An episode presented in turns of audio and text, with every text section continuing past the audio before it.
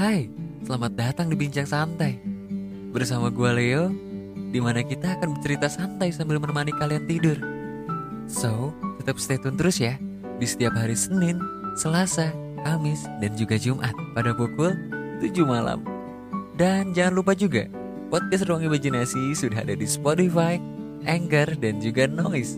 So, nama aku Leo, dan selamat datang di Ruang Imajinasi.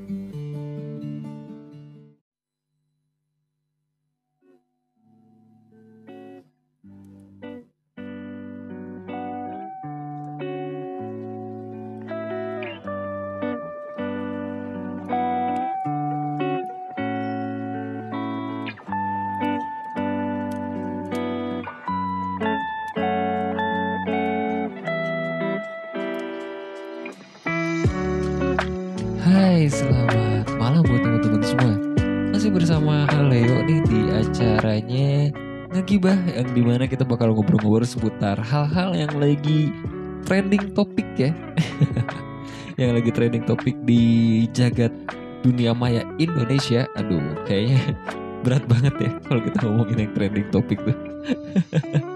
Tapi btw nih ya buat teman-teman semua apa kabar? mudah-mudahan teman-teman itu selalu sehat ya selalu sehat walafiat apalagi di kasusnya di kasus gitu di kondisi cuaca yang kayak gini tuh kayaknya lagi harus benar-benar sehat. Terlebih uh, sekarang tuh lagi banyak banget yang lagi sakit batuk. Banyak banget yang lagi sakit pilek flu. Aduh banyak kalian harus hati-hati deh. Nah di acara kali ini di ngagibah kali ini ini sebenarnya uh, agak cukup cukup seru ya temanya. Karena seperti yang kalian lihat di judul nih ya. Demi life saya minum obat. Waduh. Karena apa ya? Uh, ada beberapa kasus di mana yang mungkin kalian udah pernah dengar ya di beberapa sosial media di mana ada salah satu artis yang diduga diduga nih masih diduga. Kita nggak tahu ke depannya bakal kayak gimana. Kalau mudah-mudahan masih aman-aman aja diduga itu dia memakai obat-obatan yang uh, jenisnya itu jenis bukan apa jenisnya ibaratnya kayak ini loh uh, doping kayak gitu di mana kita tuh bakal tahan lama. Nah diduga dia memakai obat-obatan tuh karena dia live live di salah satu aplikasi ya aplikasi yang cukup terkenal di TokTok dan ternyata dia live itu selama 24 jam dan ya banyak orang yang menduga kalau dia itu uh, memakai obat-obatan dan ya karena nggak logis aja gitu selama 24 jam full dia live dan nggak sama sekali break gitu loh. Nah sebelum kita bahas ke arah sana ada beberapa hal yang mesti kalian tahu juga tentang masalah obat-obatan ya. Obat-obatan terlarang terlarang kayak gini, apalagi masalah narkotika, masalah doping atau hal-hal yang mungkin uh, harus kalian pahami juga dan mungkin dilarang di Indonesia juga. Nah, uh, ada beberapa jenis doping yang dilarang di Indonesia sebenarnya. Jadi buat kalian teman-teman yang nggak tahu ya, doping itu sebenarnya salah satu obat uh, obat-obatan yang biasa digunakan oleh para atlet yang di mana itu memang ada takarannya tersendiri. Jadi obat tersebut itu berpengaruh untuk daya tahan tubuh kita, di mana kita tuh uh, hormonnya makin tinggi, yang akhirnya kita bukan ngerasa capek tapi malah lebih bersemangat gitu loh untuk melakukan sesuatu. Nah itu biasa dipakai dengan atlet-atlet. Tapi doping-doping juga banyak banget jenis-jenisnya. Uh, ada jenis narkotika. Nah mungkin kalian udah pada tahu ya jenis narkotika. Narkotika itu merupakan zat-zat yang umumnya digunakan untuk mengurangi atau menghilangkan rasa sakit. Nah narkotika juga ada beberapa jenisnya seperti morfin dan juga metadon dan dapat juga digunakan dengan cara ditelan atau disuntikkan ke aliran darah, otot, atau di bawah kulit. Memang narkotika ini kalau misalkan kalian nggak tahu ya itu sering banget dipakai di dunia kedokteran ya dengan takaran khusus karena itu buat menghilangkan rasa sakit pasca operasi atau mungkin bisa dipakai juga untuk hal-hal yang lainnya gitu ya. Tapi itu ada takarannya. Dan untuk orang-orang awam kayak kita perlu yang namanya resep dokter. Tapi ya terkadang ada beberapa hal yang disalahgunakan juga. kita nggak tahu ya. Kita nggak menyinggung ke arah sana, tapi memang faktanya seperti itu. Yang kedua itu ada steroid. Steroid adalah salah satu obat kuat ya yang terkait dengan hormon testosteron. Nah, steroid juga berguna untuk memacu hormon dan mengurangi peradangan, pembekakan, dan nyeri. Dan steroid juga dapat digunakan untuk membangun massa otot. Nah, yang tadi Leo bilang, steroid itu biasa dipakai dengan uh, untuk orang-orang yang mungkin binaragawan atau atlet di mana dia bakal membangun massa ototnya yang asalnya mungkin kalian pernah lihat ya orang-orang tuh pada kurus-kurus banget sampai akhirnya tiba-tiba dia uh, dadakan tiba-tiba berotot gitu loh. Ya, itu ada beberapa beberapa faktor ya. Yang pertama, kalau misalkan terlalu instan mungkin juga dia memakai uh, steroid. Tapi ya steroid sendiri juga ada resep dokternya. Jadi nggak semuanya mesti kita beli di obat-obatan umum atau atau apotek ya. kalau di apotek sih Leo rasa nggak ada yang jual ya. Kalaupun ada yang jual udah kena ke polisi kayaknya. yang ketiga ada doping darah. Doping darah ini termasuk jenis doping dengan intensitas yang sangat tinggi. Doping ini digunakan untuk meningkatkan level massa sel darah merah sehingga memberikan banyak lebih ke oksigen otot. Doping darah biasanya digunakan dengan cara menyimpan sel darah merah di tempat yang dingin lalu diinfuskan kembali ke dalam tubuh.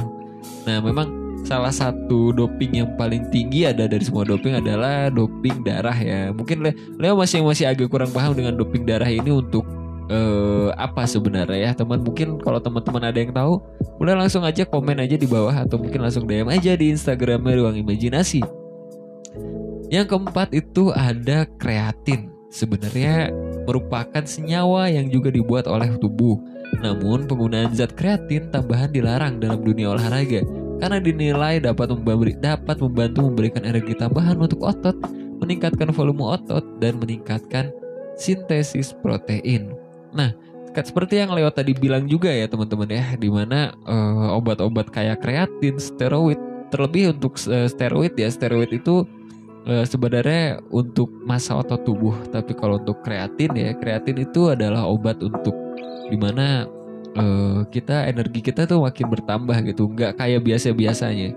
Yang asalnya kita cepet capek, yang asalnya kita cepet uh, ngantuk, pakai obat itu pasti langsung kok kata Sunda kok kata orang Sunda har tapi ya itu tadi teman-teman semua. Apa pun obat yang kita pakai gitu ya apalagi termasuk golongan doping atau narkot narkotika kita harus memakai resep dokter. Nah, untuk obat-obatan sendiri juga sebenarnya banyak banget ya di jenis-jenis obat di Indonesia itu. Bahkan uh, Leo sempat lihat juga beberapa kasus di mana uh, orang-orang itu memakai obat-obat hanya untuk pusing gitu loh, hanya untuk uh, apa ya, untuk sensasi aja kayaknya ya. Itu banyak banget di Indonesia tuh. Apalagi kasus-kasus di mana Lewat sempat dengar berita pada tahun 2000 berapa ya? 2018 kalau saya 2017 sekitar segitulah ya.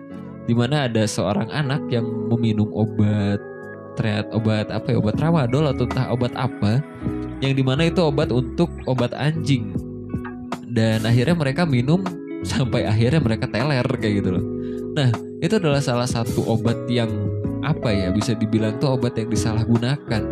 Mungkin bisa digolongkan dengan obat jenis narkotika mungkin ya. Leo juga masih kurang paham. Mungkin kalau teman-teman ada yang tahu boleh langsung komen aja ya. Nah itu tadi. Obat-obatan itu memang sebenarnya diperbolehkan asalkan ada resep dokter ya jangan sampai kalian asal beli Jangan sampai kalian asal minum tanpa kita tahu resep dokternya. Takut-takutnya uh, di saat kita beli akhirnya kita bisa jatuh sakit atau mungkin bisa jadi overdosis kita nggak ada yang tahu. Nah, apalagi ter, uh, jenis obat-obat kayak narkotika gitu kan itu memang harus wajib banget resep dokter. Karena narkotika itu memang kayak kalian tahu sendiri lah. Obat yang bikin adiktif di mana sama halnya kayak nikotin ya membuat adiktif tapi ya gak bisa dijual bebas untuk narkotika, narkotika apalagi kan banyak banget sekarang disalahgunain.